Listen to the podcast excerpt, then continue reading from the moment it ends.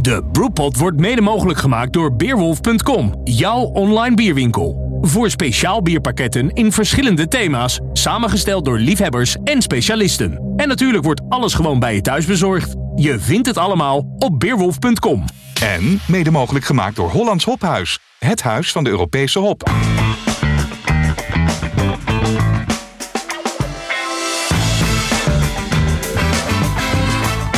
Welcome to the Brewpod.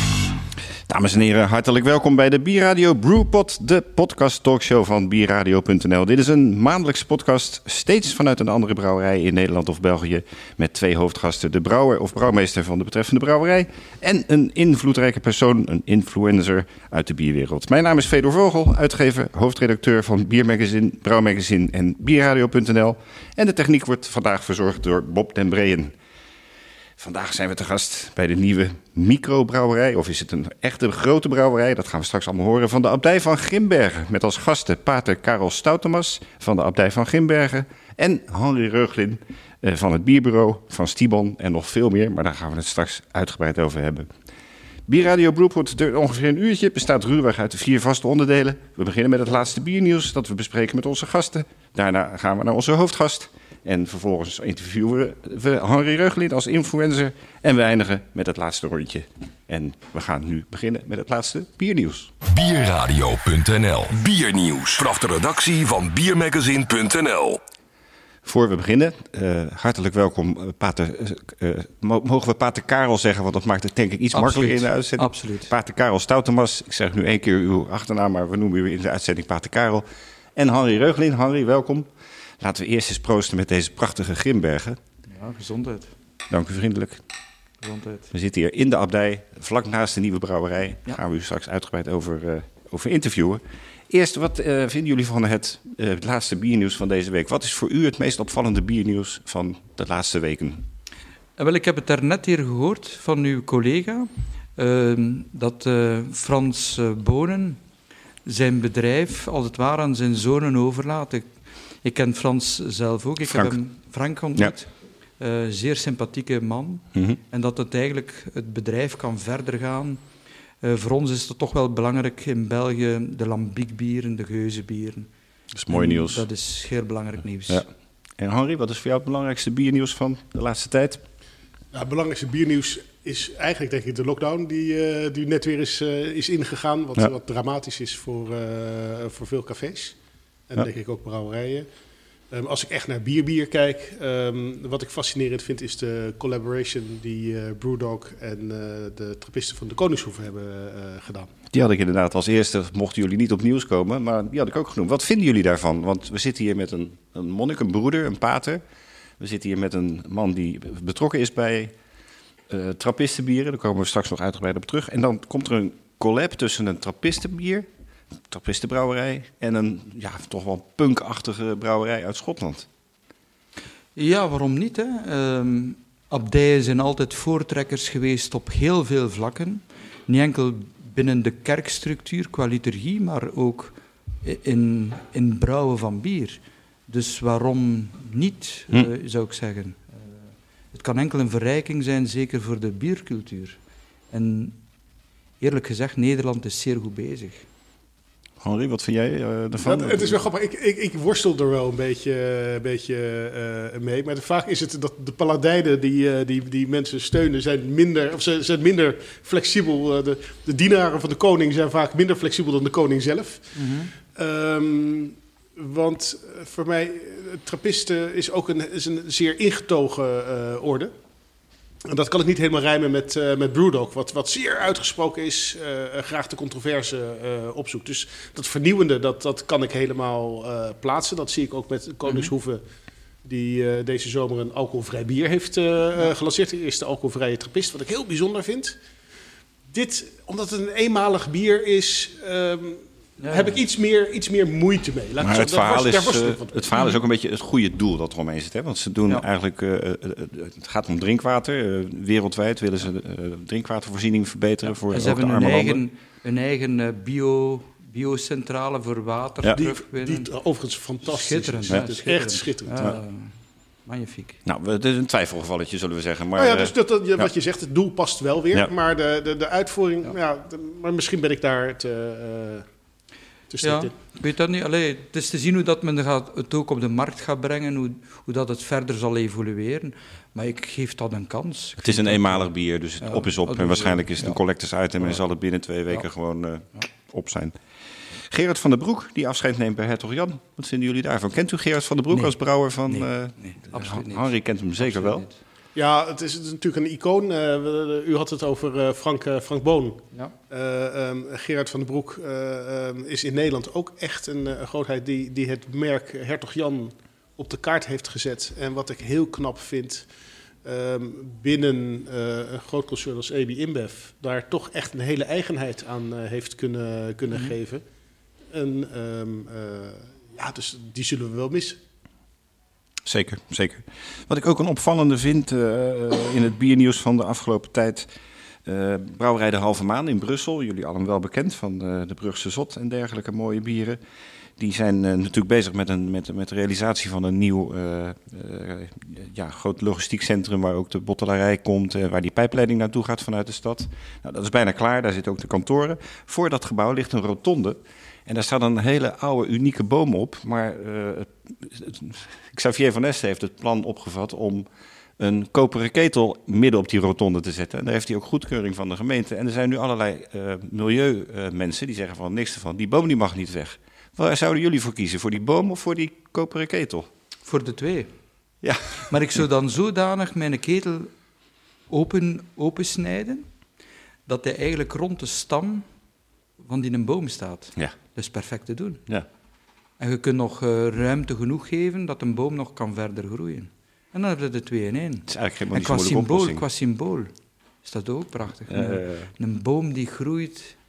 En wie weet, ik weet niet welke boom dat het is. Is het een vruchtenboom? Zou je nog zeggen, we kunnen het nog gebruiken in een of ander brouwproces. Ja, Maar we zouden er iets kunnen mee doen. ja, ja, ja. Ik zou, ik, ja, Henri, kijk Ja, jij ik, kan hier natuurlijk, ik, ik had hetzelfde idee, maar hier kan ik natuurlijk helemaal niets aan toevoegen. Dit is, dit is de unieke oplossing. Ja. Ja, ja, ja. we zijn in België gewoon om compromissen te sluiten. Mm. hè. Dat is ook heel mooi. Dat is ook heel mooi. Binnenkort de uitslagen eh, van de Brussels Beer Challenge. Eh, Mhm. Kijken jullie daarnaar uit? Ja, wij, eh, wij, ehm, wij hebben onze bieren ingezonden van de microbrouwerij van Grimbergen. En we gaan zeker naar eh, de uitreiking van de awards. Hm. Maar we weten niet of dat we erbij gaan zijn. Nee, nee, nee, dat Ah, zal eh, maandag voilà. pas bekend zijn. Zien we dat dan, maandag de 18e. Ja. Of de maandag de twee- 22e, Twee- excuses. ja, Ja, ja, ja. 22. Nou, dat was het laatste biernieuws. We gaan maar beginnen met het, eh, met het interview. Nogmaals hartelijk welkom, eh, Pater Karel, mochten we zeggen. Pater Stoutemas. Eh, dank voor uw gastvrijheid hier in de abdij eh, van Grimbergen. Eh, we hebben al een uitgebreide rondleiding van u gehad eh, door de nieuwe brouwerij. Ehm, u bent subprior en u bent provisor in de abdij. Wat houdt dat in? Wel, superior is eigenlijk... Ik ben mee-overste samen met de abt en de prior.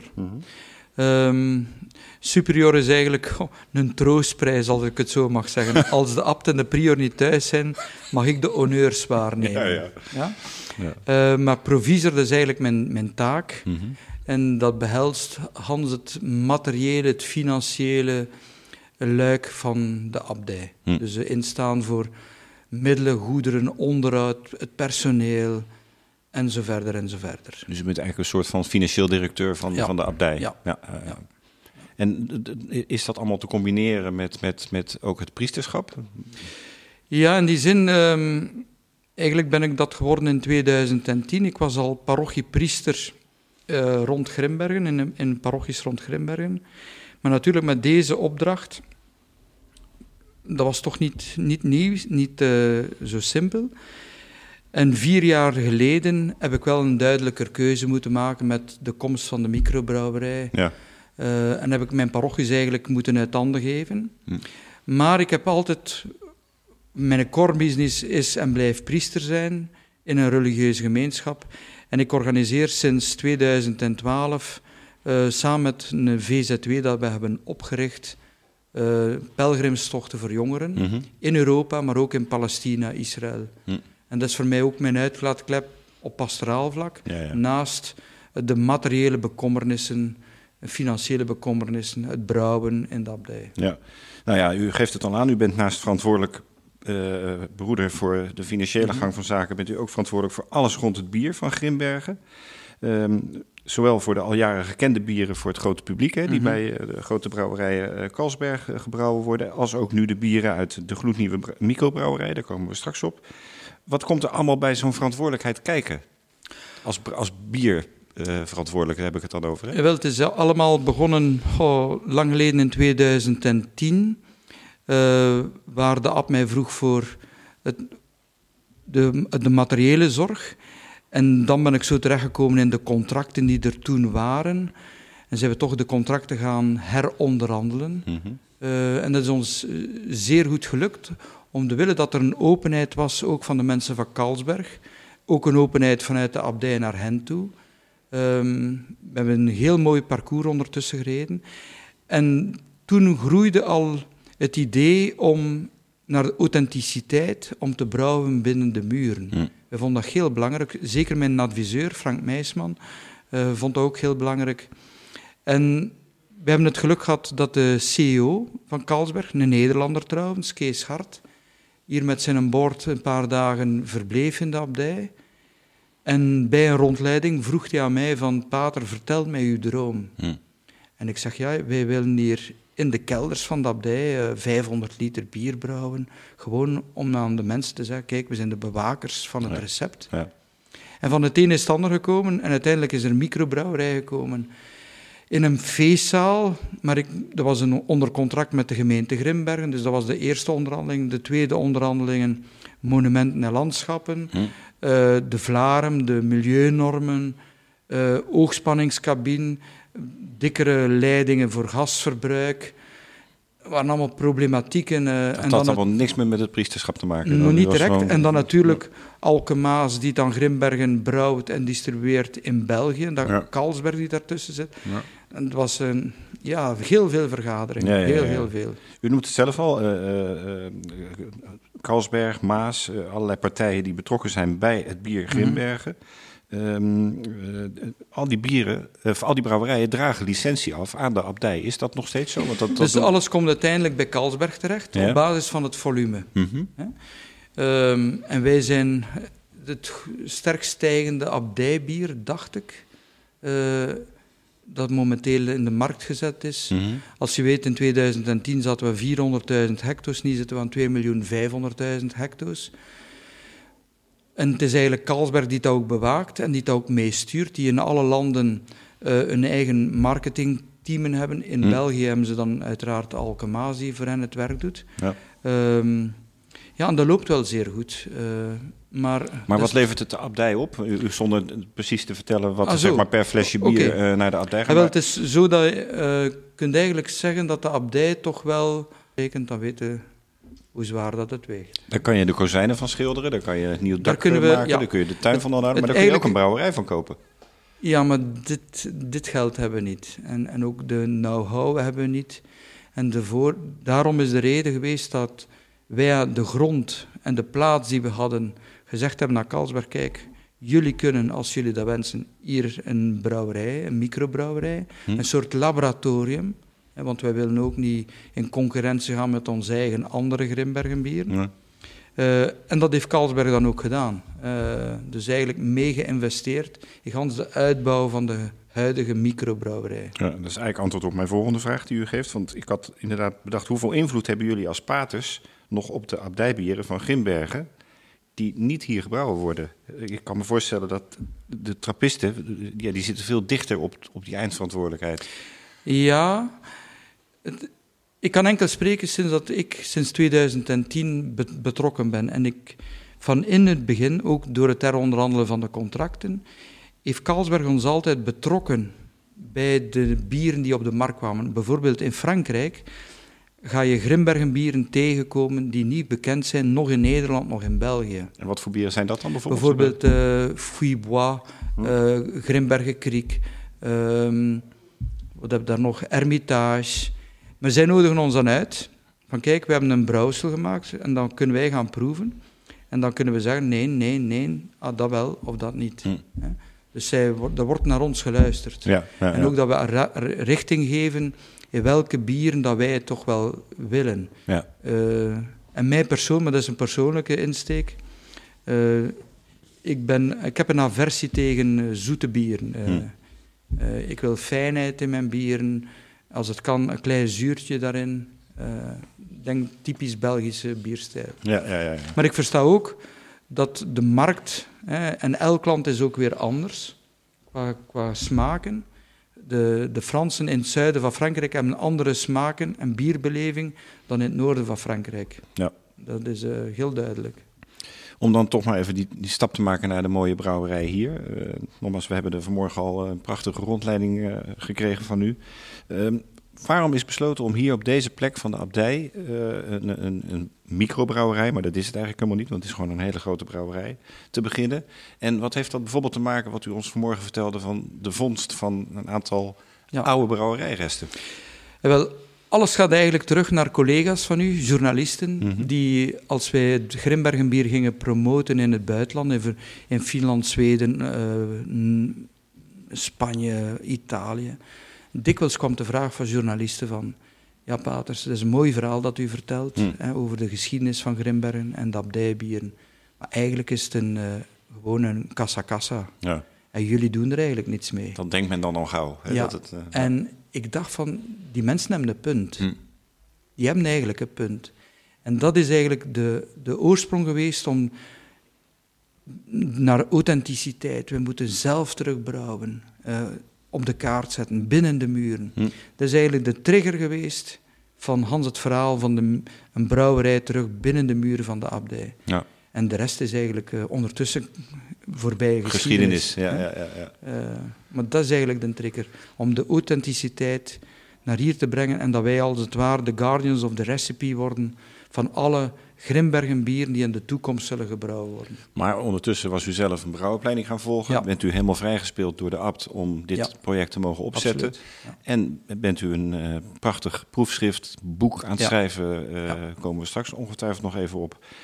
En eh, wat ik net al zei, die vondst hier in de tuin, in de abdijtuin. Ja, dus ik voor mijzelf enerzijds de brouwerij opbouwen, maar een brouwerij kunt je overal zetten. Hm. Hè. Het is natuurlijk een abdijbrouwerij, maar voor mij was ook belangrijk als mensen naar Grimbergen komen, dat ze het bezoek aan de heritage, de abdijkerk, de prachtige barokkerk, de abdij, maar ook rond het bier dan meer specifiek, in de middeleeuwen. Men had nog geen hop. Men, had, men maakte kruidenmengsels om bitterheid in een bier, om een bier langer te kunnen bewaren. Dus we hebben een, een kruidentuin met 26 bierkruiden eh, geplaatst. Eh, kruiden uit de middeleeuwen, eh, zoals hagel, absint, monnikspeper, kardoen en zo verder.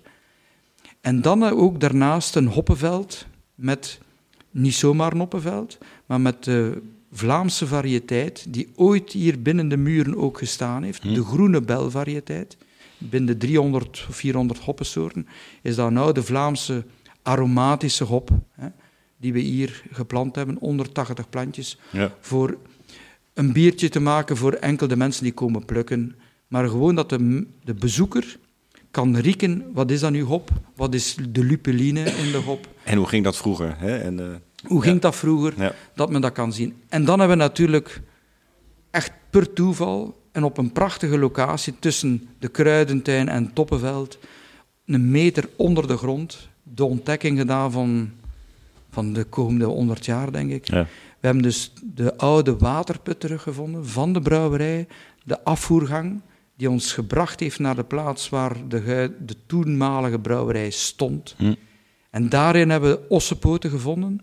En ossenpoten werden vroeger gebruikt voor de Franse Revolutie, en dat spreken we over de, voor de 18e eeuw, om bier te klaren. Hm. Door de eiwitten werd bier geklaard. Hm. We hebben receptenlijsten, een receptenlijst is niet juist, ingrediëntenlijsten, waar bijvoorbeeld per brouwsel, per brouwsel 350 ossenpoten werden gebruikt. Hè. En de brouwketels van toen was even groot als de brouwketels die we nu hebben in de Hm. microbrouwerij. Ja. 3000 liter. Maar eigenlijk, eh, als u nooit met die kruidentuin en die hoppentuin was begonnen, hadden jullie misschien nooit die brouwerij teruggevonden. Hadden we het nooit gevonden. Nee. Nee. Dus, dus u heeft, los Nee. van het feit dat u ook nooit enthousiast bent geworden voor deze microbrouwerij Ja. en alles eromheen, Ja. heeft, u Absoluut. iets, heeft u iets teweeggebracht? Ja, en zelfs het vinden van die waterput, dat alleen niet. Pas de dag nadien is er... Ik had al de eerste dag in de put gegaan, met een ladder van 11 meter. En de dag nadien is er nog iemand in de put gegaan en die ziet toevallig een opening van 25 centimeter op 5 meter diepte. En die neemt een foto met zijn gsm en we zien daar op die foto dan een gang Hm. van zeker 10 meter. En wij breken die dan verder open. Ja. En zo hebben we eh, een fantastische ontdekking gedaan. En heeft u daar nog meer ontdekt? Ik heb vanmorgen al gehoord van wel, Ja, dus die ossenpoten Ja. hebben we ontdekt. Ehm, maar waar je bier en mee maakt... eh, en bier- dan hebben we natuurlijk, ik dacht van, door de opleiding in Kopenhagen, Hm. eh, in het, het laboratorium Research Center van Kopenhagen, van Carlsberg, hadden ze mij ooit gezegd, eh, wij kunnen gerust overal gist van nemen, van de muur, van de kelders van de Hm. abdij. En ik dacht van, als ik nu eens de ondergrond van die afvoergang in steriele pottekens doe, die ik ga halen bij de apotheker, en ik stuur dat naar Kopenhagen op. Ik zeg, dan moeten ze toch iets vinden. Hm. En inderdaad, na drie maanden kregen we bericht, we hebben de oorspronkelijke Grimbergen gist gevonden. De Ongelooflijk. gist van voor de Franse revolutie. En ze hebben eh, die gist afgezonderd van de bacteriën. En in Kopenhagen heeft men dan een bier, een bier gebrouwen, 4,2 alcohol, Mhm. met de zuivere gist. En daarnaast een bier gebrouwen met de bacteriën rond de gist. Ja. En we hebben dat hier mogen proeven in de reften. En dat was, ja, dat is thuiskomen. Hè? Ja, ja, ja, ja. Dat is echt thuiskomen. ja. En we gaan waarschijnlijk ooit, eh, ik zeg nu morgen nu niet, maar misschien volgend jaar, binnen twee jaar, we gaan er zeker een keer iets mee doen. Eh, het zou jammer zijn, moesten daar niets mee doen. Nee, nee, nee. Maar of dat de luisteraars nu gelovig zijn of niet, moet, moet toch kunnen zeggen. Ze. Maar als je niet gelooft in de vrijsnis, ik geloof nu in de geloof Om van dode gist Ja. levende gist te maken. Ja, ja, ja, ja. ja, geweldig. Een prachtig verhaal, en- maar het is gewoon ook een waar verhaal. En, en- Ja. Er zijn natuurlijk eh, eh, veel meer abdijbieren. Jullie hebben nu een eigen eh, brouwerij. U bent ook helemaal vrijgespeeld om dat in goede baten te leiden. Maar u heeft ook echt daarvoor een brouwopleiding Ja, in gevolgd. hè? Kopenhagen. In Kopenhagen zelf. Ja, maar ik ben eigenlijk al, eerlijk gezegd, al verwegen in die zin. Dus het is zeer belangrijk dat je een praktijkopleiding volgt. Hm. Dus ik heb in de brouwerij in Kopenhagen van Jacobson, de oude brouwerij, Mhm. hè, heb ik eerst daar enkele maanden gaan praktisch meedraaien, bottelen, eh, mee aan de tanks. En dat ik besef heb van wat gebeurt daar. Ja, ja. En dan pas in de Scandinavian Brew School de eerste module gaan volgen. Mhm. En daar een opdracht gekregen om een, een paper te maken. En mijn paper is rond het Grimbergenbier. Mhm. Ehm, en ik dacht onmiddellijk, ik ga dat onmiddellijk ook in boekvorm uitgeven. Ja. Zowel ook in het Nederlands, Engels en Frans. Om dan aan mensen mee te geven, niet te, ver- te verkopen is een slecht woord, maar, Mm. want je hebt de winstmarge is niets, maar gewoon, dat blijft dan authentiek en dat, daarover gaat het. Wat hebben we hier gevonden, wat weten we, wat weten we niet, wat mogen we veronderstellen. Dat is het boek dat u nu aan het schrijven Dus bent boek en dat bijna klaar is. Mijn, thesis, mijn Ja. paper, dat ik nog moet gaan verdedigen. Maar jammer genoeg, omwille van corona weer, Ja. is dat allemaal een, een beetje op de lange baan geschoven. Dus ik moet nog mijn tweede module gaan doen en dan de presentatie van het boek. Maar alleen in principe moet dat wel eh, lukken. Ja, dat zal een zeer eh, gewild boek eh, worden, dat door de, met name de bierliefhebbers Mhm. Graag verzameld gaat worden. Even over de brouwerij, want ehm, ja, wij hadden natuurlijk de persberichten ontvangen en we hebben ook op de eh, online eh, persmeeting eh, meegekeken. Eh, eh, en u kondigt het aan als een microbrouwerij. Nou, we zijn hier vandaag te gast. Nou, dit is helemaal geen microbrouwerij, dit is gewoon een, serieuze grote brouwerij. Vertelt u eens iets over de brouwerij. Niet techniek, maar misschien iets over de volumes en, wel- en ook het laboratoriumachtige deel erachter. Het is zo dat ehm, het, als het idee kwam van terug te beginnen brouwen, brak, men, brak Carlsberg eigenlijk in een contract in die gesloten was met Alkemaas. Mhm. Alkemaas dat uiteindelijk Heineken eh, vertegenwoordigt. Ja. En dus hebben ze daar een, een, een compromis gevonden om de volumes te beperken. Mhm. Dus men is gekomen voor een maximum van 10.000 hectoliters per jaar om hier te brouwen in Grimbergen. En, voilà. en dat geeft ons de mogelijkheid om eigenlijk hier bieren te ontwikkelen die voor de toekomst desnoods in andere brouwerijen van Carlsberg in de wereld kunnen verder gebrouwen worden. Hm.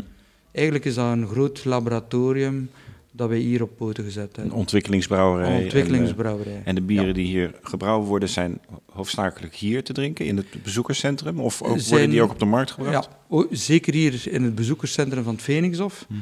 En bij verschillende eh, drankcentrales, prik en tricks noemt hij in Vlaanderen.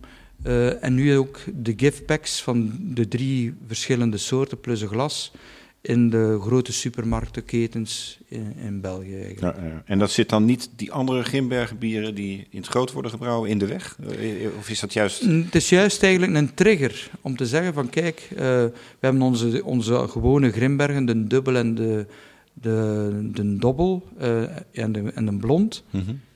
Er is niets mis mee, die hebben ook onze goedkeuring gekregen. Ja. Hè? Maar deze zijn specifiek gemaakt binnen de muren. Het is eigenlijk een, ja, wordt ook prijziger in, in de markt gezet. Dus een ja, meer ambacht. Exclusief eh, bier. Een exclusief bier. Ja. Eigenlijk een soort craft bier van de abdijbieren. Eigenlijk wel. Ja.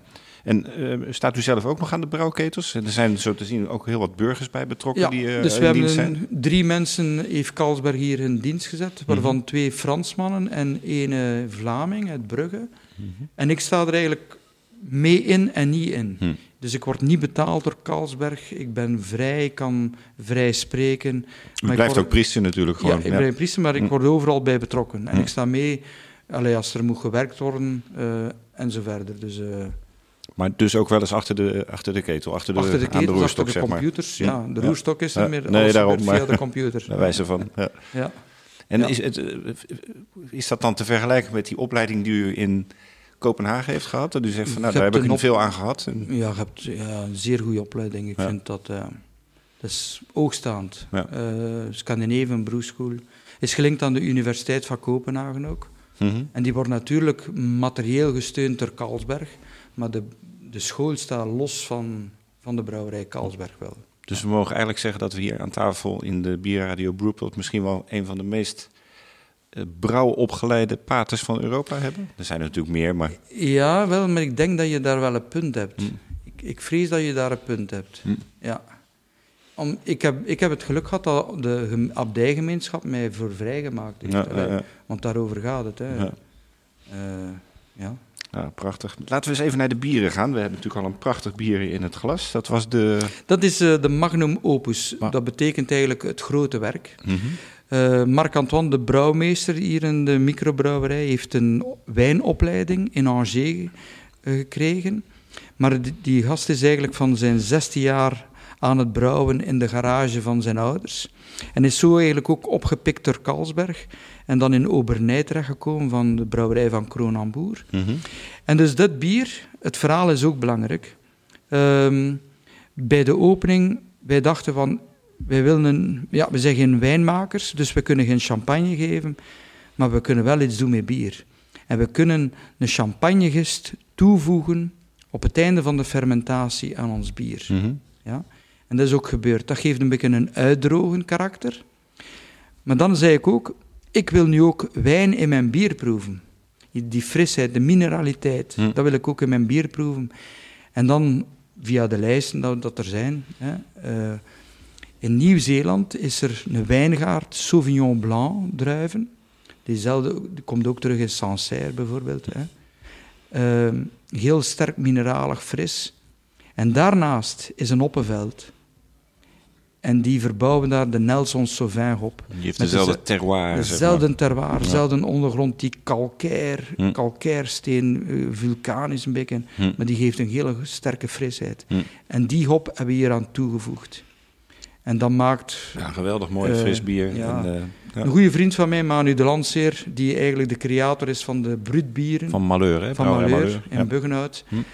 Die is hier enkele weken geleden geweest en heeft gezegd, jongens, wat als jullie hier neerzetten, dat is fenomenaal. Ja, als je het van die meneer een compliment krijgt. Ja. Ja, dus, eh, echt, echt complimenten. Het is prachtig. Het is ehm, fris wat u zegt. Het is een prachtig aperitief bier. Ja. Het is een, een, ja, letterlijk de naam eh, eh, meesterwerk is Ja. denk ik goed gekozen. ja. denk En- het ook. Er zijn er nog twee. En er zijn er nog twee. Eh het andere bier, het eh, andere bier was eigenlijk voor mij een, een antwoord op mijn collega's trappisten. En vooral die van Koningshoven, daar, want zij hebben ook een. Hè. Ja. Want Johnny Martin heeft eh, van de Martenspel, hij heeft eigenlijk die een naam ont- eh, in de wereld gebracht van, hè, we hebben een dubbel, een triple, een quadruppel. Ja. Een quadruppel, een amber bier. Eh, Maar in, in, in, in eh, Perkel en Schot bij La Trappe denken ze dat zij het uitgevonden hebben. ja, ja, hoor. Dus goed, eh, goed. succes heeft vele vaders. Hè? Voilà, Dat, ja. dat is zo. Een amber bier tussen de 10 en de 12 eh, alcohol. Ja. En ik wou daar eigenlijk een antwoord op geven. Mhm. Een sterk, zo een sterk bier, maar ook de Belgische biercultuur moet er wel in zitten. Zo. De, de- ook de finesse. Mhm. En dus 27 december 2019 in het oude poortgebouw, dat nog, het enigste gebouw dat nog resteert voor de Franse revolutie, samen met de kerk, Mhm. ehm, hebben we op een keteltje van 30 liter zijn we dat beginnen brouwen. En de naam is Ignis, betekent vuur. Maar ik wil de branden, de verwoesting die de abdij van Grimbergen heeft meegemaakt gedurende in de loop van de geschiedenis, drie keer volledig in brand gestoken, verwoest. En daar ook het logo van de Phoenix is daaraf afkomstig. Ik wil eigenlijk dat vuur, dat verbranden ook proeven. Hm. En we hebben daarvoor op beukenhout geroosterde mout aan toegevoegd. En dat geeft een heel mooi, ook weer een fijn bier, maar ook dat gerookte in uw mond. Het klinkt als een eh, soort rauwbier uit Bamberg. Super, hè? Ja. Ja, want er is een klein beetje een haltertouw ook bij van, eh, van hop. En nu gaat de plaatselijke hop vanuit Aalst van deze streek. Prachtig. En de derde? En het derde is, eh, de naam krijgt Astro mee, ster. Maar dat is een verwijzing naar de volksterrenwacht Mira, die bovenop eh, de microbrouwerij is gesitueerd. De volksterrenwacht die al van de jaren 60 bestaat. En omdat wij die mensen ook zeer genegen zijn, we hebben er ook moeten ja, onderhandelen, omdat er mag geen uitstoot zijn in de brouwerij, mogen ook geen trillingen zijn, en zo verder en zo verder. Dus we moesten er allemaal mee rekening houden. Ehm, en de Zastrum, het idee is van zij kijken met de telescopen naar de galaxie van de planeten en de sterren. En wij als brouwers, zij kijken naar het verleden.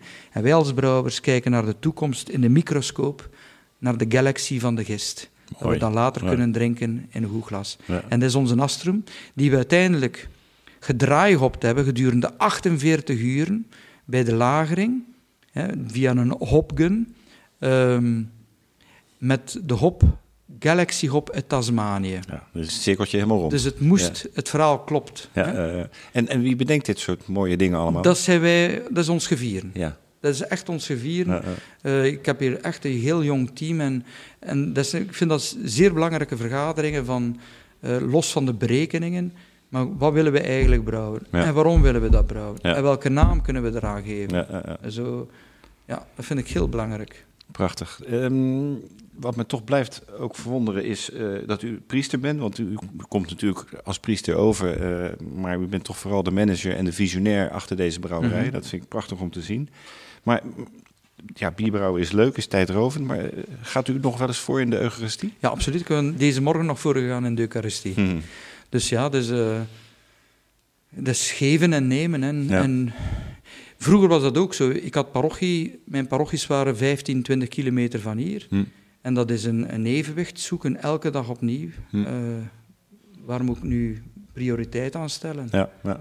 Eh, ja. En ik heb hier een heel goed team, dus zij kunnen perfect zonder mij. En, en dat abdij kan ook perfect zonder mij. Dus, Dat is een Maar goede moet- oplossing voor iedereen. Ik, moet overal af en toe een keer mijn kop laten zien. Ja, ja, hè. ja, ja, ja, ja, ja, ja, prachtig. Tot slot, wat zijn de ambities voor de komende jaren bij deze eh, nieuwe brouwerij? We hebben in de rondleiding gezien dat er eh, volgens mij een heel mooi bezoekerscentrum aan zit te Ja. komen. Dus we hebben eh, de Kruidentuin Hoppenveld en nu komt er een heel mooi bezoekerscentrum waar mensen gaan kunnen zelf een beleving naar smaken en geuren volgen. En uiteindelijk de computer die zal berekenen welk bier, Grimbergen bier, dat ze kunnen, aan de bar kunnen bestellen, dat bij hun smaken en beleving zal passen. Dat is één. Twee, het boek dat uiteindelijk eh, zal uitkomen eh, in begin december. En dan zijn we nu al bezig op, eh, onze bieren ook op wijnvaten te zetten. Op zowel Chardonnay-vaten uit Bourgogne, Chevrey-Chambertin, Pinot Noir, als ook van Bordeaux, van Domaine Le Pin. En die worden op als limited edition Limited, limited edities, ja. Die dan verkocht zullen worden hier in Phoenix of zelf. Ja, ja, ja. Om eigenlijk een trigger te hebben om de mensen om de twee maanden zeker naar Grimbergen terug te brengen. Ja, ja, ja, mooi. Ja. Prachtig. Hartelijk dank voor dit interview. Een eh, weerzinwekkend verhaal. Het is echt prachtig. En eh, heel veel succes met, eh, met deze mooie brouwerij. En tot de volgende keer. Zeker. This is the Brewpod. Ja, dit eh, is inderdaad de Bierradio Brewpad. We hebben geluisterd naar Pater Karel, Karel Stoutemas, die eh, ja, als financieel directeur van eh, de abdij ook nog eens eventjes een prachtige brouwerij heeft neergezet. En dat met veel bevlogenheid doet en met veel visie en veel kennis. Indrukwekkend verhaal. Ja, en een ander indrukwekkend verhaal zit hier tegenover me. En dat is namelijk influencers, want zo gaan we hem ook gewoon noemen. Henry Reuglin, eigenaar van Bierbureau, oprichter en bezielend leider van de Stibon Bieropleiding. Bestuurslid van de Stichting Dutch Beer Challenge, voorzitter van de Stichting Week van het Nederlandse Bier, adviseur bij trappistenbrouwerijen zoals Sindert en Tint Meadow, bierjournalist, columnist. Hij eh, is ook nog voorzitter van het EBCU geweest. Ja, dit wordt een lange uitzending. Ja, nou, dan zal ik wel kort, zal ik wel kort van stof zijn. Nee, maar je hebt ontzettend veel gedaan. Hoe ben jij in die bierwereld terechtgekomen? Eigenlijk eh, eh, vanuit mijn studententijd. Ik, ik heb in Delft gestudeerd, biotechnologie. Ehm, en dat is wat je in Nederland eigenlijk dichtst tegen brouwen kunt, eh, kunt doen, hoewel ik me dat toen nog niet eh, eh, bedacht.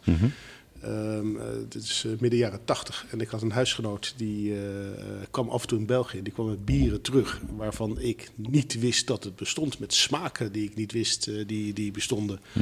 Ehm, en toen dacht ik, ja, dit is fantastisch. Van hu- huis uit, mijn familie is een uh, Ja, wijnhandelaarfamilie. Reuglin, ja. Wijnhandel Reuglin. Ehm, en ik dacht, ja, ik ben ook opgevoed met wijn.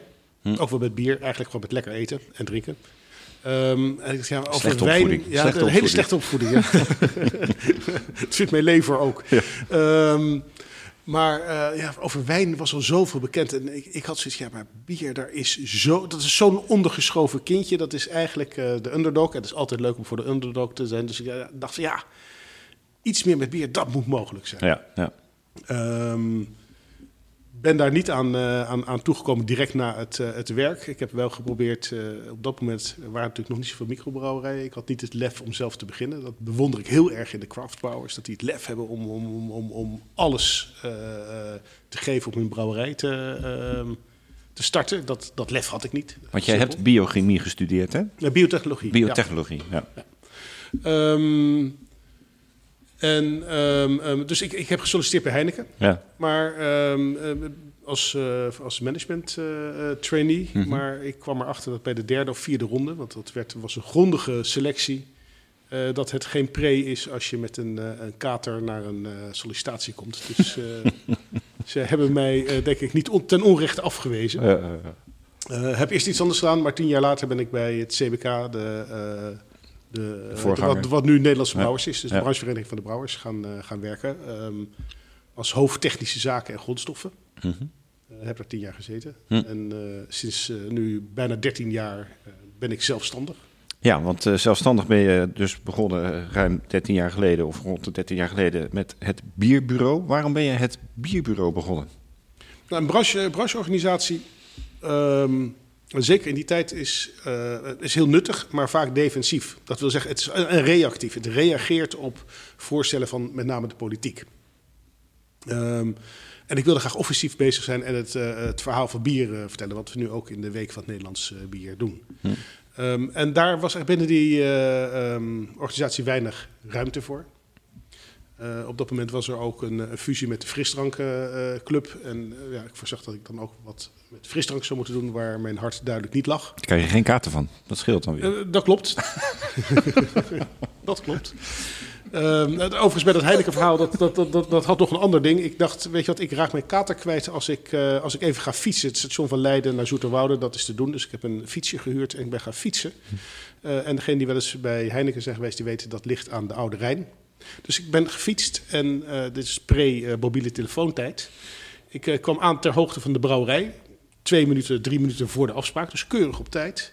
En vraagt daar aan de voorbijganger, waar is hier eigenlijk de brug om naar Heineken te komen? Meneer, een brug die ligt hier niet. U moet of vijf kilometer terug naar, eh, naar Leiden... of vijf kilometer door naar, naar Koudekerken, geloof ik. Ja. Ehm, ja, dus, dus ik op mijn fietsje als een dolle terug. Eh, daar een telefooncel gevonden om op te bellen of het nog zin had om überhaupt langs te komen. nou, dat, dat mocht. Maar ik schijn met zo'n groot rood bezweet hoofd in de lift gestaan te hebben dat de secretaresse vroeg: Meneer Reugelin, gaat het wel? Ik zei: Ja, u, u kunt mij niet tillen, dus ik zal zelf wel lopen. Ja, nou ja, goed. Eh, ehm, Ja. Dat was een, uit, een uitstel van tien jaar voordat ik eindelijk in het bier ben, eh, Ja, ja, ben, ja, eh, ben ja, begonnen. ja, ja. Maar je had het over, over het bierbureau. En misschien is het go- goed om ook het bruggetje naar eh Stimon te leggen. Want vanuit het bierbureau... eh, Ja, dus wat ik zei, ja, dus het offensieve wilde ik, eh, wilde het, mooie verhaal van bier eh, vertellen. En dat, eh, eh, nou, dat doen wij ook samen met, eh met, met Biermagazine bijvoorbeeld. Eh, het, het is leuk dat je zelf blij bent over bier, maar het is veel fijner als er nog veel meer ambassadeurs eh, Ja. zijn. Ja. En een van de manieren om dat te doen is mensen op te leiden. Dus samen, ik ben daar zeker niet de enige mee. We zijn met z'n vijven gestart met, met Stibon. Mhm.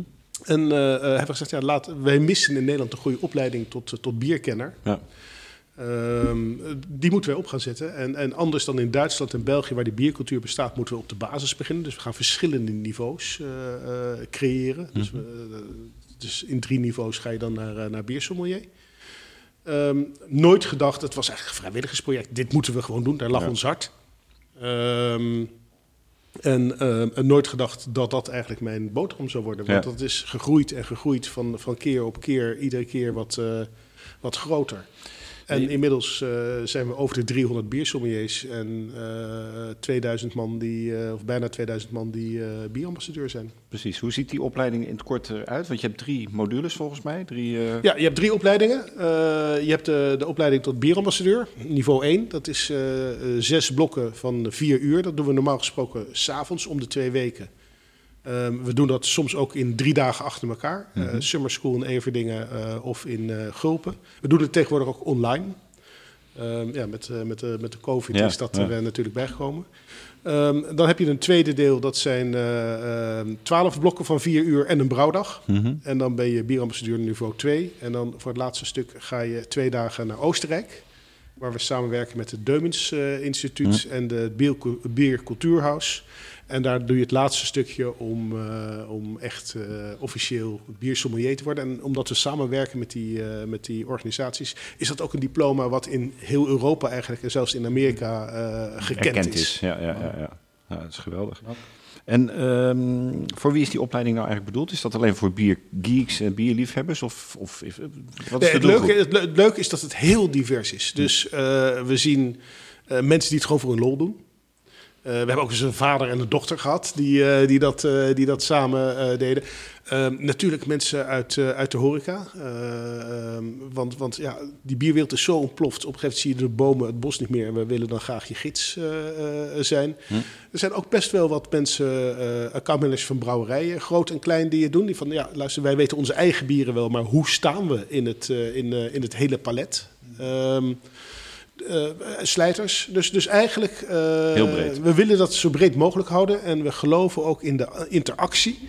Ehm, in de interactie tussen de verschillende mensen in zo'n groep, zodat je een netwerk opbouwt. En het is voor een accountmanager heel interessant om in zo'n opleiding met een horecaondernemer te zitten. En voor die horecaondernemer is het weer heel interessant om met een, gewoon een bierliefhebber te zitten. Want iedereen kijkt en proeft op een andere eh, manier. Ja. En zo doen we dus nu ook de online opleiding. Dat is dan niet een opleiding waarbij je naar een schermpje kijkt, ondertussen naar de wc kunt gaan en dat schermpje dat blijft maar doorkletsen. Eh, ehm, we maken diezelfde groepen, maximaal 25 man. Je moet je camera aan hebben. De docent vraagt gewoon eh, eh, tijdens de les, stelt vragen. Dus echt interactief. Ook echt zoals, interactief. Zoals het in het klaslokaal gaat, zeg maar. ja, en ik hoor van iemand die beide heeft, eh, heeft, eh, heeft gedaan. Dat, die, dat is wel grappig. Die, die online mist natuurlijk dat netwerk een beetje. Dat je Ja. samen na afloop nog een biertje drinkt. Aan de andere kant eh, blijkt ook uit de, uit, de, uit de slagingspercentage met het examen... dat de stof komt bijna nog beter over. Hm. Omdat als, als je in een groep staat... je moet je voorstellen dat je met z'n met z'n 25 in een groep zit. En als ik naar links kijk, dan weet iemand die rechts zit... dat hij even op zijn telefoon kan zitten, want ik zie hem toch niet. Nee, nee. Op zo'n scherm heb ik, eh, heb ik al uitgekozen wie ik een vraag ga stellen, eh, ga stellen. Maar dat weet niemand. Dus iedereen zit buitengewoon ge, eh, ehm, geconcentreerd eigenlijk, eigenlijk te kijken. En je zegt ik, jij doet ook heel veel voor Stimon. Je bent de bezielend leider, zoals ik je al heb genoemd. Maar je hebt een groot team aan cursusleiders. Ja, cursus mag ik nooit zeggen. Ik, op, opleidings... Docenten noemen we ze. Docenten, oké. Ja, nee, we- Dus het zijn allemaal mensen die... ja, het is natuurlijk, nou, wat ik al zei, ik ben ook absoluut niet de enige oprichter. Want Dirk Nee. Walsh bijvoorbeeld, Ja. Theo Flissenbaalje eh heeft het bij mensen van, eh, van, eh, van wat nu Craft is. Hm. Dus eh, ehm, echt wel een, een grotere, Hele een grotere basis, Groep. ja. Ja, ja, ja. Maar we hebben inmiddels 45 docenten door heel Nederland. mhm. die, die lessen geven. Uh, Jume en uh, Jume Kwee en Roxy Goudsmit die werken ook op het kantoor voor de planning en dat soort zaken. Mhm. En dan los van de opleidingen staat nog de originele stichting waar het allemaal begonnen is. Um, uh, en daar zit een bestuur in van, van vijf man die de examens doen, die zorgen voor de kwaliteit, die, uh, die eigenlijk het, uh, het, het hele lastenboek heet het zo mooi in, Ja, in België, denk ik. Um, zeg maar het kwalificatiedossier op, opstellen. Ja. En inmiddels is dat ook gegroeid, want we doen een, um, een brouwopleiding samen met Lentis cursus en consult. Want het hele gek is, in Nederland bestaat geen brouwopleiding. En we zijn nu voor het eerst op mbo-niveau uh, begonnen met een brouwopleiding. En wat u ook zei, uh, Pater Karel sprak me zeer aan. De, die opleiding is in een BBL-systeem. En dat betekent dat je vier dagen per week brouw je in een brouwerij. Ja. En één dag per week kom je naar school. Omdat ja.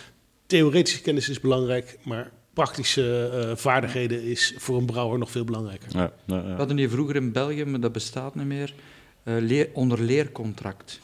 En dus jongens vanaf 14 jaar uh, gingen echt een stil gaan leren bij een schrijnwerker of wat dan ook. Of in een brouwerij. Leerwerktrajecten, ja, zoals voilà. we dat En dan één ja. dag het theoretische. Ja. En nu is, komt men daarop terug. Men komt erop terug. Ja, we hebben dat systeem in Nederland en we ja. hebben inderdaad voor deze opleiding uh, bewust daarvoor uh, gekozen. En die groeit ook, hè, die brouwopleiding? Ja, die is uh, dit jaar voor het eerst helemaal vol. We hebben zelfs hm. een wachtlijst, dus dat is ook goed om, om te zien.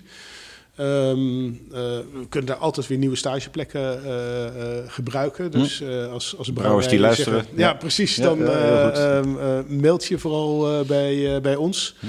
Um, en we doen met, met de Academie van Gastronomie van Peter Klossen... doen we Mhm. bijvoorbeeld een, een bierspijs specialisatie van, van vijf dagen. Zo. Wat echt tegen de top ligt van, van de kennis over hoe je bier en spijs combineert. Hm. Peter Klossen is gepromoveerd op, uh, op smaak. Die smaakprofessor. Man, echt smaakprofessor. Ja, ja, ja. Doet daar heel veel in. En um, is ook zeer geïnteresseerd in bier eigenlijk geworden. Doordat ik hem gechallenged Hij zat meer in wijn. Hm. Um, ja, maar het is mooi dat je je professor noemt. Wat weet je van bier? De meest gedronken drank ter wereld. Toen zei hij, ja, dan moeten wij eens even praten. En daar is een, is een prachtige samenwerking uit, uit, uitgekomen. Ja, nou, prachtig.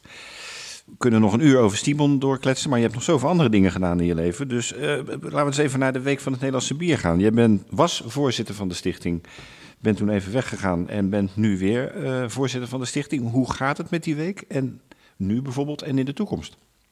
Nou, we hebben natuurlijk twee keer de week moeten, uh, um, ja, één keer moeten uitstellen. De tweede keer hebben we hem digitaal gedaan. Was wel heel, heel klein. Dat is, dat is heel, heel jammer. Um, ja, en we zijn nu echt aan het denken van... oké, okay, hoe gaan we dat in de toekomst uh, vormgeven? Het idee van die week, uh, um, de tiende echt fysieke... zou nog steeds moeten, uh, moeten komen. Ja. Um, was om, om, om bier bekender te maken. Om, er waren echt nauwelijks bierfestivals. Als bier in de publiciteit was, was het bijna altijd negatief. Mensen die te veel gedronken hadden. Hm. en niet, het ging niet over mensen die genoeg gedronken hadden. En, en niet over smaken, zoals u dat net ook, ook Hm. vertelde. Um, Inmiddels is dat totaal anders. Er zijn overal festivals, het barst van de brouwerijen. Dus we zijn ons wel aan het oriënteren. Oké, okay, uh, um, wat, gaat die functie, wat gaat die functie nog zijn? Um, hebben we niet al bereikt wat we willen, Precies, willen zijn? Ja, ja. Aan de andere kant, je ziet ook met de accijnsvoorstellen die er nu, uh, nu zijn...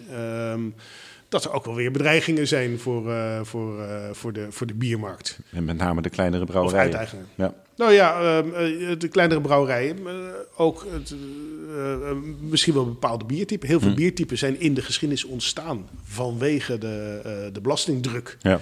Omdat brouwers daar omheen proberen te brouwen. Ja.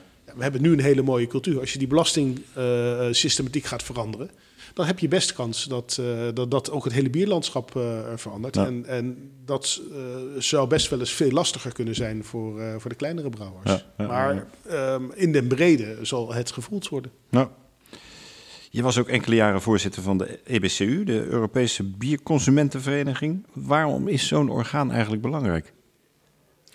Ja, waarom is het belangrijk? Wat ik nog veel, veel, veel fascinerender vind. We kennen natuurlijk Consumentenbond, heb je in alle landen. Ehm, er bestaat geen ander product dan bier waar er een Europese bier, eh, consumentenvereniging voor bestaat. Er bestaat geen Europese vereniging van wijndrinkers of, of whiskydrinkers of chocoladeeters. Bier wel. Dat zegt al iets hoe mensen begaan zijn met hun, eh, met hun bier. Ehm, en je, ja, ik denk dat het goed is eh, ehm, dat naast brouwers en telers en, en, en de horeca ook de consument laat weten: dit vinden wij van bier. Het accijnsverhaal waar ik het net over had, dat is iets dat raakt de consument uiteindelijk. Want de brouwer die, eh, ehm, ja, die, die, die berekent dat gewoon door. Rekent door. ja. Ehm, maar ook grote brouwers, die, die, die, die zouden, als je ze niet af en toe eventjes als consument toespreekt, misschien wel een richting kunnen gaan van eh, eh, excessieve prijsverhogingen. Ehm, of je kunt, eh, dat hoeft niet per se, maar doordat je een, een, een, een, een, een, een, ehm, dialoog opbouwt tussen brouwers en consumenten, kun je daar allebei eh, beter van, eh, van worden. Je kunt als consumenten ook kleinere brouwerijen ehm, in het licht zetten. Je bent voor de politiek vaak beter hoorbaar dan een bedrijf. Dus om die reden. En het andere is dat sommige landen hebben een minder ontwikkelde biercultuur. Eh, Je ehm, kunt van elkaar leren. je kunt van elkaar leren. Ja. Dus die organisaties die leren ook van elkaar. En, en maken elkaar daardoor eh, eh, beter. Jij bent nu geen voorzitter meer, omdat je geloof ik al twee of drie keer je termijn had verlengd. Zoiets was het geloof ik. Ja, mijn voorganger heeft er 25 jaar gezeten. en, Dat heb jij niet dat- volgehouden. Nou ja, nee, dat, e- een van de eerste dingen die ik besloten heb... is de maximale zittingstermijn van de voorzitter Ja. eh, ehm, eh, beperken. Want Ja. Ehm, ehm, niet dat hij slecht was... maar op een gegeven moment na 25 jaar is de frisheid er wel vanaf. Laat En het is ook eh, heel veel reizen. Reizen is natuurlijk leuk, maar het is ook, het is ook een tijd Nee, nou goed, het is hartstikke leuk. Ik bedoel, Ja. eh, eh, de- de- ik mis, heel eerlijk gezegd, ik mis het soms ook wel. Want dat reis, juist die interactie met andere bierculturen Ja, is, is fantastisch, is briljant. Ehm, eh, als je Sahti hebt in Finland, dat, dat is een bier wat je in Nederland nooit gaat tegenkomen. En dan moet je in Finland geweest zijn om dat mee te maken. Maar, dus ik heb dat eigenlijk beperkt, omdat je daardoor als organisatie dwingt om iedere keer te zorgen voor vernieuwing. Ja. Ehm, en, en, niemand is, eh, is perfect. Sterker nog, heel veel mensen zijn behoorlijk imperfect, ik ook. Ehm, en dan is het dus goed dat na een aantal jaar eh, iemand eh, dat overneemt. Ja. En eh, ehm, dat doet Bo- Jensen uit Denemarken, doet dat nu. Ja. En doet dat heel goed, heel anders dan ik deed. Maar ik denk dat dat goed is voor een organisatie, dat, dat je het bloed blijft, blijft vernieuwen. Mooi. Je zit ook in het bestuur van de Dutch Beer Challenge, de Nederlandse bierwedstrijd. Wat is daar zo leuk aan? Haha. Ehm, ja, ik zie jou ook al grinniken, want eh, daar zit jij natuurlijk zelf ook in. Dus eh, een wijn van WC Eend. nee, het, het mooie ehm, vind ik eh, überhaupt eigenlijk. Kijk, het is heel makkelijk om dingen af, te, af te kraken en negatief over dingen te doen. Ik, vind, ik ben een groot fan van degene die dingen goed doen op een, eh, op een podium te zetten en, en die in het zonnetje te zetten. En het mooie van eh, zo'n Dutch Beer Challenge is niet dat je eh, bepaalde, en de Brussels Beer Challenge trouwens, wat, wat dan een wereldwijde competitie is, die Ja. eraan gelieerd is, of andersom eigenlijk. Ehm, dat je de helden die echt mooie bieren maakt op, een, eh, op het schild hijst. En daar het, het, eh, het, eh, het schijnwerpertje op zet. En, en dat verdienen die mensen. En het leuke is, het zijn grote brouwerijen, kleine brouwerijen. Ik ben altijd weer gefascineerd door de mix aan, aan brouwers die, dat, die, daar, die daar winnen. En als, als jurylid is het netwerk, de mensen die je tegenkomt. Je komt er natuurlijk allemaal mensen die met smaak van bier bezig zijn, met vernieuwing bezig zijn. Ja, dat is buitengewoon inspirerend. Dus, dus wat daar dat ligt ook weer is, een, is eh, COVID een, een, een moeilijke tijd geweest. Ja, ja, absoluut. En nog steeds. En, en wat- daar ligt ook weer een mooi sikkeltje naar bijvoorbeeld de Stibon bieropleiding. Want heel veel juryleden zijn bijvoorbeeld biersommelier omdat ze Stibon hebben gedaan. En echte kenners die, die echt gewoon objectief goed kunnen proeven, smaakafwijkingen afwijkingen kunnen herkennen. Die, Ja, en, en, en in dat niveau 2 zit dus ook een, een, een korte mo- module. Wat is een wedstrijd eigenlijk? En wat wordt er... Want je kan wel van bier weten, maar dat maakt nog niet dat je een goed jurylid bent. Want eh, ehm, je moet ook onder woorden brengen wat je proeft. Ja. Ehm, eh, want je moet feedback eh, kunnen geven aan, aan de brouwer. Ja. Ehm, en dat betekent dat, dat, dat je moet niet alleen goed kunnen proeven, maar je moet het ook goed kunnen, kunnen benoemen. Ja, ja. Ik, ik ben een matig proever, ik ben een redelijk proever, maar ik weet af en toe leuke woorden te vinden en Hm. daarom mag ik blijven. Zei hij bescheiden. Ik weet, het, ik weet dat het anders is, want hij kan heel goed proeven. En weet er ontzettend veel van. Maar dat is ook Henri, eh, die eh, soms een hele grote mond heeft, weet ik uit ervaring, maar alt- altijd heel bescheiden is. We zijn nog niet klaar met je hoor, want je hebt nog je eigen bierbureau. Daar hebben we het eigenlijk nog amper over gehad. Maar eh, vanuit die hoedanigheid adviseer je ook brouwerijen of andere instanties. Maar wat ik zo interessant vind, je hebt met name ook een aantal trappistenbrouwerijen geadviseerd. En sommige nog steeds, zoals Zundert en Tint Meadow. Wat doe je precies voor hen en waarom zijn ze bij jou terechtgekomen? Nou, Zundert is bij mij gekomen oorspronkelijk eigenlijk met het idee van... ja, luister eens, eh, onze economie, dat zal u eh, aanspreken. eh, we hebben koeien en dat, dat is niet meer te doen. Eh, de, de communiteit is te oud en te klein. Eh, maar ja, eh, eh, trappisten moeten voorzien in hun eigen eh, onderhoud. Ehm, ehm, eh, wij moeten iets anders gaan doen en we overwegen bier. Dus zou je een marktonderzoek willen doen? Nou, dat heb ik, eh, heb ik gedaan. Ehm, en daaruit kwam dat er best ruimte is voor een tweede trappistenbier in, eh, in, Nederland. Nederland, En toen ja. zeiden ze, goh, wie zou ons kunnen helpen met de, met de communicatie en de, en, en de merkontwikkeling? Wie, wie, trappisten zijn zeer eh, intern gericht. Ehm, dus ik, ik noem mezelf af en toe, af, af en toe ook een, eh, een trappistentolk. Dus ik, ik vertaal de buitenwereld voor de broeders in, eh, in het klooster, voor zover nodig. En ik, verklaar, ik probeer eh, uit te leggen hoe de broeders denken naar de, naar de, naar de buitenwereld.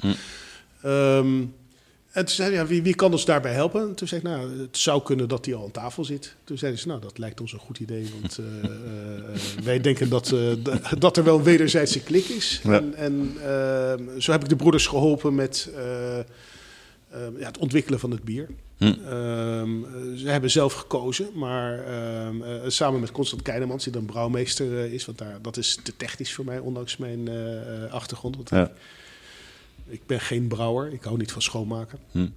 Zoals Verkok van de Praal dat eh, noemt. Altijd ik, ben een zegt. ik ben een wortkijker. Dat, eh, op het moment dat, eh, dat de boel de gistek in gaat, dan ren ik heel snel weg. Want dan weet ik dat er ge- schoonge- schoongemaakt moet, moet worden. Ja, geweldig. Ehm, ehm, maar het, goed, daar hebben we dus overdacht van welk, welke, wat, wat voor bier gaan we dan maken? Hoe moet het eruit zien? Hoe gaan we het noemen?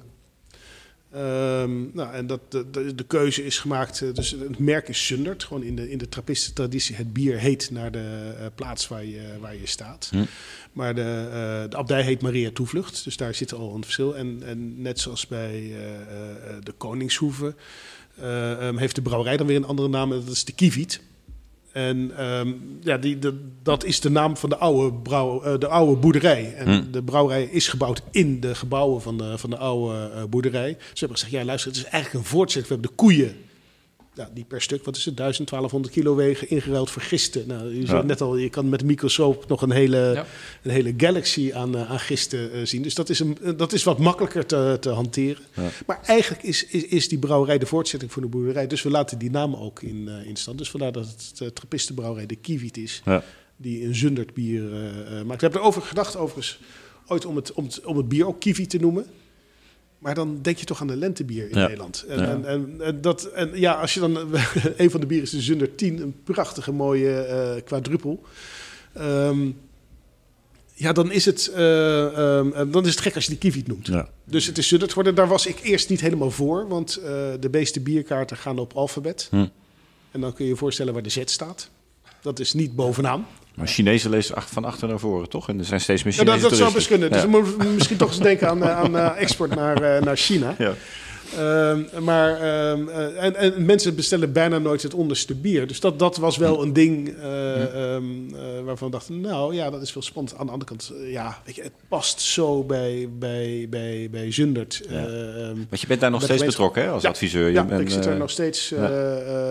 één, twee keer per maand. Ja. En je hebt ook voor Tint Meadow, de, nieuwe Engelse trappist, eh, gewerkt. Of werkt daar nog steeds voor? Maar in ieder geval bent Nee, dat, eh, dat was tijd. Dat was eigenlijk naar aanleiding van mijn werk in, eh in Zundert. Tuurlijk, de contacten zijn natuurlijk De contacten via- zijn, er, Ja. zijn er gelegd. Ja. Ehm, eh, nou, daar was ik adviseur geweest. Constant Keinemans, die zowel, die zowel, Constant Keinemans, die zowel brouwer is als, als ook adviseur zeg maar, in, in Mhm. Zundert. Of die brouwt hij samen met broeder Christian. Dus ook daar staat, en dat is wel tamelijk uniek, echt een broeder aan de, aan de brouwketel. Eh, ik denk dat er nauwelijks een liter Zundert gebrouwen wordt zonder dat een broeder letterlijk aan de ketel eh, staat. Ehm, die, eh, die, die was ook gevraagd in eh Tint Meadow om te helpen. Hm. En die constateerde dat men heel erg bezig was met de brouwerij, maar niet met de verhalen eromheen, met het de merkbouw. ja. En, eh, ehm, eh, het heet nu Tint Meadow. Ehm, de brouwerij of de abdij heet Mount St. Bernard. Hm. Dus men wilde dat bier eerst Bernard noemen. Maar ja, dan zit je met het Bernardus bier hier in België. Je zit met werken. het Bernard bier Nee. in Tsjechië. Dus Hm. je moest de abt uitleggen dat, eh, dat dat waarschijnlijk niet ging werken. En die werd eerst heel boos. Die zei, maar wij zijn Mount St. Bernard, dus dat zal toch wel kunnen. Ik zei, nou, als het al zou kunnen, dan krijg je zoveel verwarring in de markt. Dat moet je niet willen. Hm. En, en dan komt dus mijn rol dat ik met die broeders samen ga zitten. Maar welke naam dan wel? Nou, idee was ehm, nou, misschien de plaats waar die abdij dan staat. Maar die abdij die, eh, eh, het ligt op de grens tussen twee plaatsen. eh, Withwick en Colville. En men heeft... eh, Dus men mocht kiezen bij welke gemeente men hoorde. Men heeft voor Colville gekozen. Maar Colville Trappist... Klinkt dat, ook niet? Dat klinkt niet lekker. Ja, misschien als je een stout maakt, past het nog een beetje. Maar voor de rest... Eh, Ehm, dus, dus dat was het ook niet. Eh, nou, het ligt in het Charnwood Forest. Maar de Charnwood brouwerij bestond al. Dus toen hebben we overlegd. En toen bleek het allereerste stukje land. Wat, en je moet je voorstellen, Engeland is natuurlijk helemaal niet katholiek. Wat die terugkerende monniken kregen in, eh, in, eh, in, eh, in Engeland. was een, een weiland. En het weiland heette Tint Meadow. Ah, kijk. En toen dacht ik, ja, maar dit is het. ja. Tint Meadow is. Er is geen enkele discussie dat het een Engelse trappist is. Hm. Het is, het is uniek. Het, het is ook nog een Y geschreven. Dus je blijft het, eh, je, blijft het je herinneren. Er zit een verhaal En het- aan en het bekt goed. En het past bij, eh, bij de trappistentraditie eh Ziet- van het landbouw. Dat vind Ja. ik zo leuk. Het verhaal moet kloppen. Dat is zeer belangrijk. Ja, absoluut. De consument wil dat ook. Ja. Ja. Het verhaal moet kloppen. Ja. Dat is, eh, heel En dat is bij Tint Meadow helemaal Ja. het, het geval. Ja, goede adviseur, die eh, meneer Reuglin. Zie jij vandaag, eh, we zijn hier ook bij eh paters, zijn geen trappisten, Norbertijnen zijn jullie. Zie jij overeenkomsten tussen de paters hier en de paters die je bij de trappisten tegenkomt?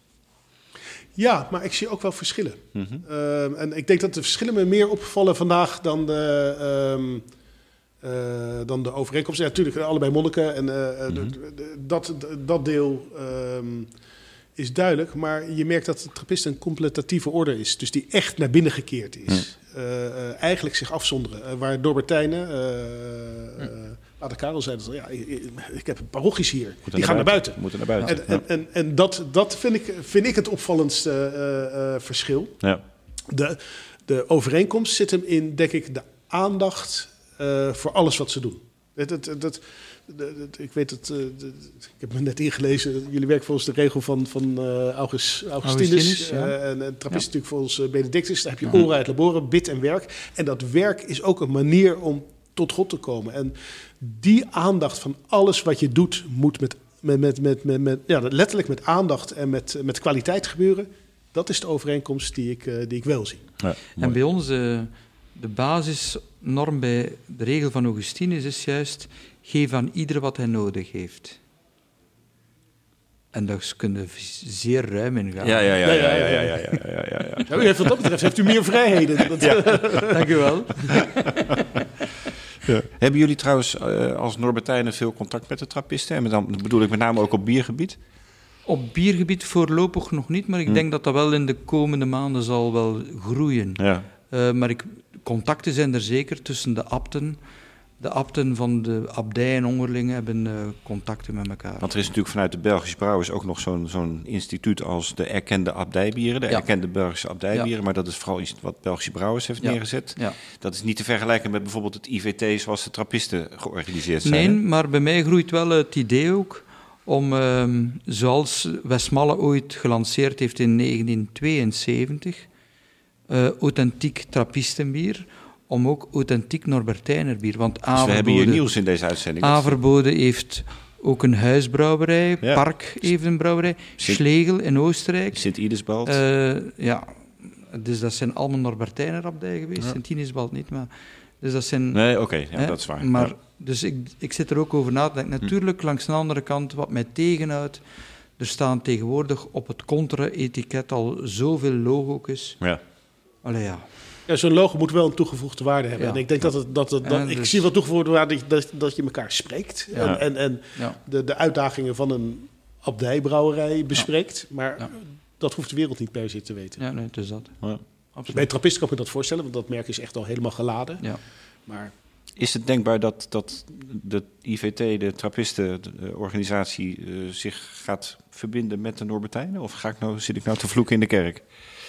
Wij zullen nooit een trappistenbier zijn. Wij zijn geen trappisten. Nee, dat begrijp ik. Want Dus, dat, eh, dat, maar als het gaat over het contact dat u zoekt Oh, als, als, dat denk als ik wel. uit, dat denk ik wel. eh, ik denk, dat zal niet moeilijk zijn. Hm. Eh, nee, er zijn zeer goede contacten met abten onderling. Hm. On- de abt is degene die eigenlijk de abdij vertegenwoordigt naar buiten Hm. en vice versa. Dus ik denk dat ik binnen de kortste keren zeker een ontmoeting heb in West-Vleteren, Hm. in Westmalle. Ik denk niet dat dat grote problemen zijn. Nee, nee, nee. Nee, nee. Maar het is, het is denk ik ondenkbaar, en daar kijk ik ook Henry even aan, dat, dat daar een soort van fusie zou kunnen komen tussen bijvoorbeeld eh Norbertijnen eh, brouwers, trappistenbrouwers, die dan samen problematieken kunnen bespreken? Of, Ja, wat problematieken misschien wel. Ehm, maar de- misschien is het weer net zoals ik net zei: de dienaren zijn soms, soms strenger dan de, Ja. dan de koning. Kijk, het, het merk trappist is natuurlijk toch een merk en dat staat. Ja. En dat, dat verwater je als je dat een Ja. eh, Ja. gelijk welk abdijbier laat, eh, laat zijn. Bovendien. En zit- wij willen dat ook niet. Nee, precies. Ook Hm. dat. En kijk, eh, het is fantastisch wat hier gebeurt. Maar er is natuurlijk ook een heel groot merk Grimbergen... wat bij een commerciële brouwerij hoort. Ja, ja, ja, ja, dat ja. is bij die trappisten niet zo. Dat is uitsluitend dat wat daar in die abdij gebeurt. En dat is toch wel wat anders ook in je commercialisatie van je, van je bieren. Dus daar zit echt een, een groot verschil in. En ook, nou, waar we het eerder over hebben, die regels. Die, dit, de, die, die, die, dat, daar zit verschil in. ja. Ja. Dus ja, ik denk zeker overleg, dat is altijd goed. Ja. Maar dat zal nooit een fusie worden. Dat Nee, nee, kan ik nee. me niet Nee, voorstellen. nee, dan weten we dat in ieder geval zeker. Dan hebben we dat ook uitgesloten. Tot slot, Henry. eh, prachtig verhaal over wat je allemaal doet en, en eh, hoe breed jij bezig bent voor de bierwereld eh, eh, en, en verder. Ehm, eh, waar ben jij nu mee bezig en wat gaat er de komende tijd gebeuren? Zijn er nieuwe dingen op komst? Welke invloed wil je de komende tijd als influencer uitoefenen? Nou, ik ben er niet op uit om invloed uit te oefenen. Maar dat doe je wel. Ik- ja, goed, maar dat is meer omdat ik gewoon een passie heb voor bier Ja. en, en voor vernieuwing. En eh, ehm, ik loop helemaal te, aan- eh, te stuiten van enthousiasme voor wat ik hier heb, heb gezien. Ik vind Ja. dat echt een, een, een voorbeeld. Ehm, ja, er zijn, er zijn wat eh, ideeën eh, met Stibon, eh, maar daar kan ik nu nog niet al te veel over, over, over zeggen. Vernieuwingen. Ehm, en iedere keer als de overheid weer de boel dichtgooit waar we onze op- opleidingen moeten, moeten omgooien, ben ik weer heel veel tijd kwijt met dingen reorganiseren. Ja. Dan kan ik niet nieuwe dingen ontwikkelen, maar er zitten in mijn hoofd een aantal ontwikkelingen rond Stibon eh, ehm, in de pijplijn. Mhm. Ehm, Moeten we dan denken aan een uitbreiding naar buiten Nederland? Of? Het zou kunnen. Zou kunnen. Ehm, en ehm, de, eh, we hebben eh, inmiddels al een Engelstalige eh, opleiding die we tot nu toe alleen in Amsterdam doen. Mhm. Dus, sorry. Ehm, dus we hebben een Engelstalige opleiding die we alleen in Amsterdam doen. Het zou ook naar andere, andere producten kunnen. Het zou naar andere master. We zijn nu bezig met meer masterclasses. Mhm. We hebben dat met, met het begin van het bokbier gedaan. We hebben toen Stibon tien jaar bestond, hebben we een symposium. Dat heb ik toen samen met Rick Kempen eh, onder andere eh, opgezet. Ja. Ja, zo wij willen het, het kennisplatform zijn en blijven. Ja. Ehm, en eh, kennis vermeerdert zich, vernieuwt zich. En dat zullen wij met Stibon ook doen. Ehm, en ook met Sundert zal er, zal er nog wel wat gebeuren. Hm, spannend. Hebben we nieuws? er is geen nieuws. komt er een derde bier? Er is geen nieuws. Nou, wat eh, broeder Christian kan ik, eh, kan ik daar kan ik broeder Christian eh, wel op, op. Die heeft gezegd, luister eens, eh, ehm, we hebben er vijf jaar over gedaan voordat we zeker wisten dat we de Zundert 8 echt zo konden brouwen zoals we echt wilden. En toen zijn we de Zundert 10 gaan, gaan brouwen naar aanleiding van veel vragen uit de, uit de markt. We zullen zeker niet binnen vijf jaar na de lancering van Zundert 10 eh, met nog iets nieuws komen. Nee. Een ople- oplettend luisteraartje zei toen, maar daar zijn er alweer drie jaar van voorbij. Ehm, dus je weet het nooit. Maar Nee, nee. ehm, het is niet de prioriteit. Eh, we hebben twee hele mooie bieren. Mhm. Ehm, en ehm, ehm, ehm, eh, die verdienen alle aandacht. En, en het doel moet niet zijn alleen maar nieuwe, nieuwe bieren maken. Het Nee. doel moet zijn om mooie bieren te maken. Nou, we blijven het eh, beluisteren. Misschien komt er wel een alcoholvrije zundert, we weten het niet. We, we gaan, we blijven gissen. Maar alles is mogelijk, eh, hebben we begrepen. Maar het duurt waarschijnlijk nog anderhalf jaar. Als ik zo inschat, want het is inmiddels 3,5 jaar geleden, denk ik dat ze de 10 kwam. Als het al gebeurt, hè? Als het al Als het al ik blijf toch ook een beetje de journalistieke vragen stellen. Ja, nee, nee, ik probeer dat- toch het nieuws eruit te halen. Dus eh dankjewel Henry, grote complimenten voor alles wat je doet in de bierwereld. En eh, bedankt voor deze verduidelijking van al jouw activiteiten. Dankjewel. Ja, en zo zijn we bijna aan het eind van deze Bierradio Brewpot gekomen. En eh, de trouwe luisteraars weten dat we dan altijd nog even een minuutje of vijf wat ludieke vragen stellen. Of ludieke, maar in ieder geval wat, wat prikkelende vragen. Eh Pater Karel, wat is het belangrijkste nieuws waar jullie nu mee bezig zijn? Het belangrijkste is eh, de opleiding organiseren voor de Grimbergen bierambassadeurs. Krijgen eh, binnenkort hier een opleiding, zowel door mij als door mensen van Kalsberg, over Hans het bierproces, hoe juist een bier tappen, food pairing, zeer belangrijk, eh, denk ik, meer en meer. Daar zijn we nu eigenlijk eh, volop mee bezig. Misschien moeten ze wel een stiebelopleiding gaan doen. En wel, ik, ja, ik zat het juist te denken van, ja. Nou ja, er, wordt, er worden misschien nog wat contacten gelegd na deze uitzending. Henry, wat vind jij de beste ontwikkeling op biergebied in Nederland en of België? Oeh. Dat vind ik een hele... de beste bierontwikkeling op het... Ja, de, de beste ontwikkeling vind ik gewoon de creativiteit van de brouwers. De, eh, en, en met name, nee, nee de- laat ik dat zeggen, dat ja, heel belangrijk. Maar de beste is denk ik steeds grotere aandacht voor kwaliteit. Hm. Eh, ehm, eh, dat het geen spielerij meer is, maar dat je gewoon serieus kijkt naar de kwaliteit van je bier. is een van de redenen ook dat we met die opleiding begonnen zijn. Ja. Daar gaat het om. Pater Karel, welke brouwer of brouwster verdient volgens u meer aandacht of is onderbelicht in België en of Nederland? U kent er veel, weet ik inmiddels. Oh, oh, oh. Ik denk, ehm, maar men is goed bezig. De, ah, Oud-Beersel is wel al heel gekend. Driefontein. Girardin, voor mij is Girardin het meeste oerbier in de lambiekbieren dat ik ken. Hm. En u vindt dat zo weinig, omdat die mensen hun eigen policy is van wij willen geen reclame maken, zo weinig mogelijk. Ja. Maar het is de basis ook van vele geuzen, hè, in Ja, de geuzenstekers. Ja. En eigenlijk een, een pluim voor wat die mensen daar al jaren, decennia's doen. Eh, brouwerij van Girardin. Ja. Mooi, mooi gezegd. Ik kan het alleen maar onderschrijven. Henry, wat is jouw favoriete bier-spijscombinatie?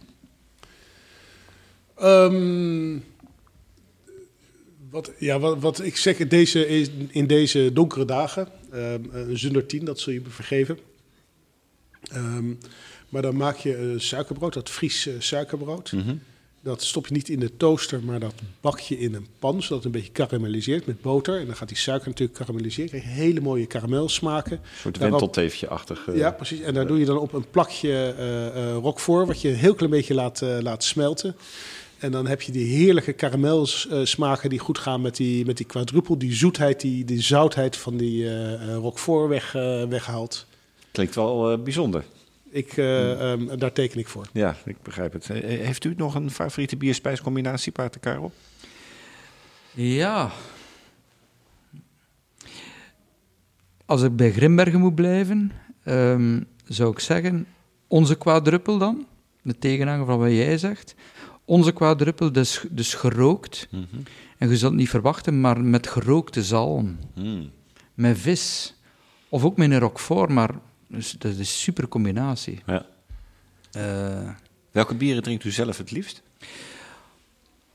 En dat hoeft niet eh nee, nee, Grimbergen te nee, nee, zijn, dat begrijp ik wel. Dat, Eh, ik, ik, hoor- Grimbergen is niet bij mij persoonlijk een top 5 zelfs. Ik denk een Westmale Triple zit erin, een Girardin zit erin, ehm, een Bone zit daarin, Hm. een Duvel zit daar ook in. Hm. Een gewone generieke Duvel. Prachtig Eh, bier. Je moet Ja. dat niet beginnen verkrachten met hopduvel en duvelhoppen. Nee, op. Eh, oh, dus zo, het is eh, Ja. meer dan goed genoeg. Ja, ja, ja, ja. Ja. mooi. Henri, moeten brouwerijen en biermedia wel of geen aandacht besteden aan politieke issues? Ja, de, de politiek ehm, bepaalt, ik heb dat net al gezegd, bijvoorbeeld met de accent, bepaalt gewoon wat, eh, welke speelruimte we hebben. Dus het zou heel gek zijn als we dat niet zouden doen. Wat vindt u daarvan? Ik denk dat hij 100% gelijk heeft. Mooi. Ik dank jullie hartelijk uh, uh, voor uh, deze Bierradio Brewpot. tot slot vragen we altijd op wie moeten we proosten met ons laatste glas bier? En dan niet het laatste glas van, van, van ons leven, maar het laatste glas van, van vandaag. Of je dat moet proosten? Ik weet het ook niet. Oh. nou ja, ik, ik zou, um, um, um, ik zal vast een kleine voorzet geven. Ik zou het willen doen op alle horecaondernemers en brouwers die nu weer door de voilà. lockdown uh, ja. in de penarie zitten. Eigenlijk die wel. hebben het verdiend. Ja, en, uh, die hebben het het hardste nodig van allemaal. Die hebben het hardste nodig. Ja. Nou, dan gaan we en, daarop en daarna op de zorgwerkers. Ja, precies. Ja. Prachtige Grimbergen en uh, heel veel dank voor de ontvangst. Dit was de, de 18e Bierradio Brewpot. Uh, dank dat u weer uh, geluisterd heeft. goed opletten op bierradio.nl, want over een maandje staat er ongetwijfeld weer een nieuwe Bierradio Brewpot klaar. Hartelijk dank, tot de volgende keer. Ja.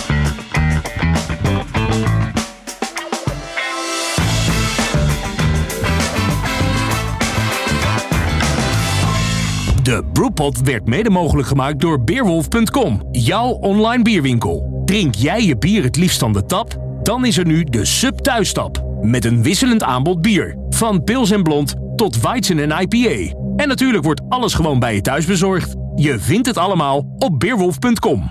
En mede mogelijk gemaakt door Hollands Hophuis. Het huis van de Europese hop. Thanks for listening. Until next time at the Brewpod.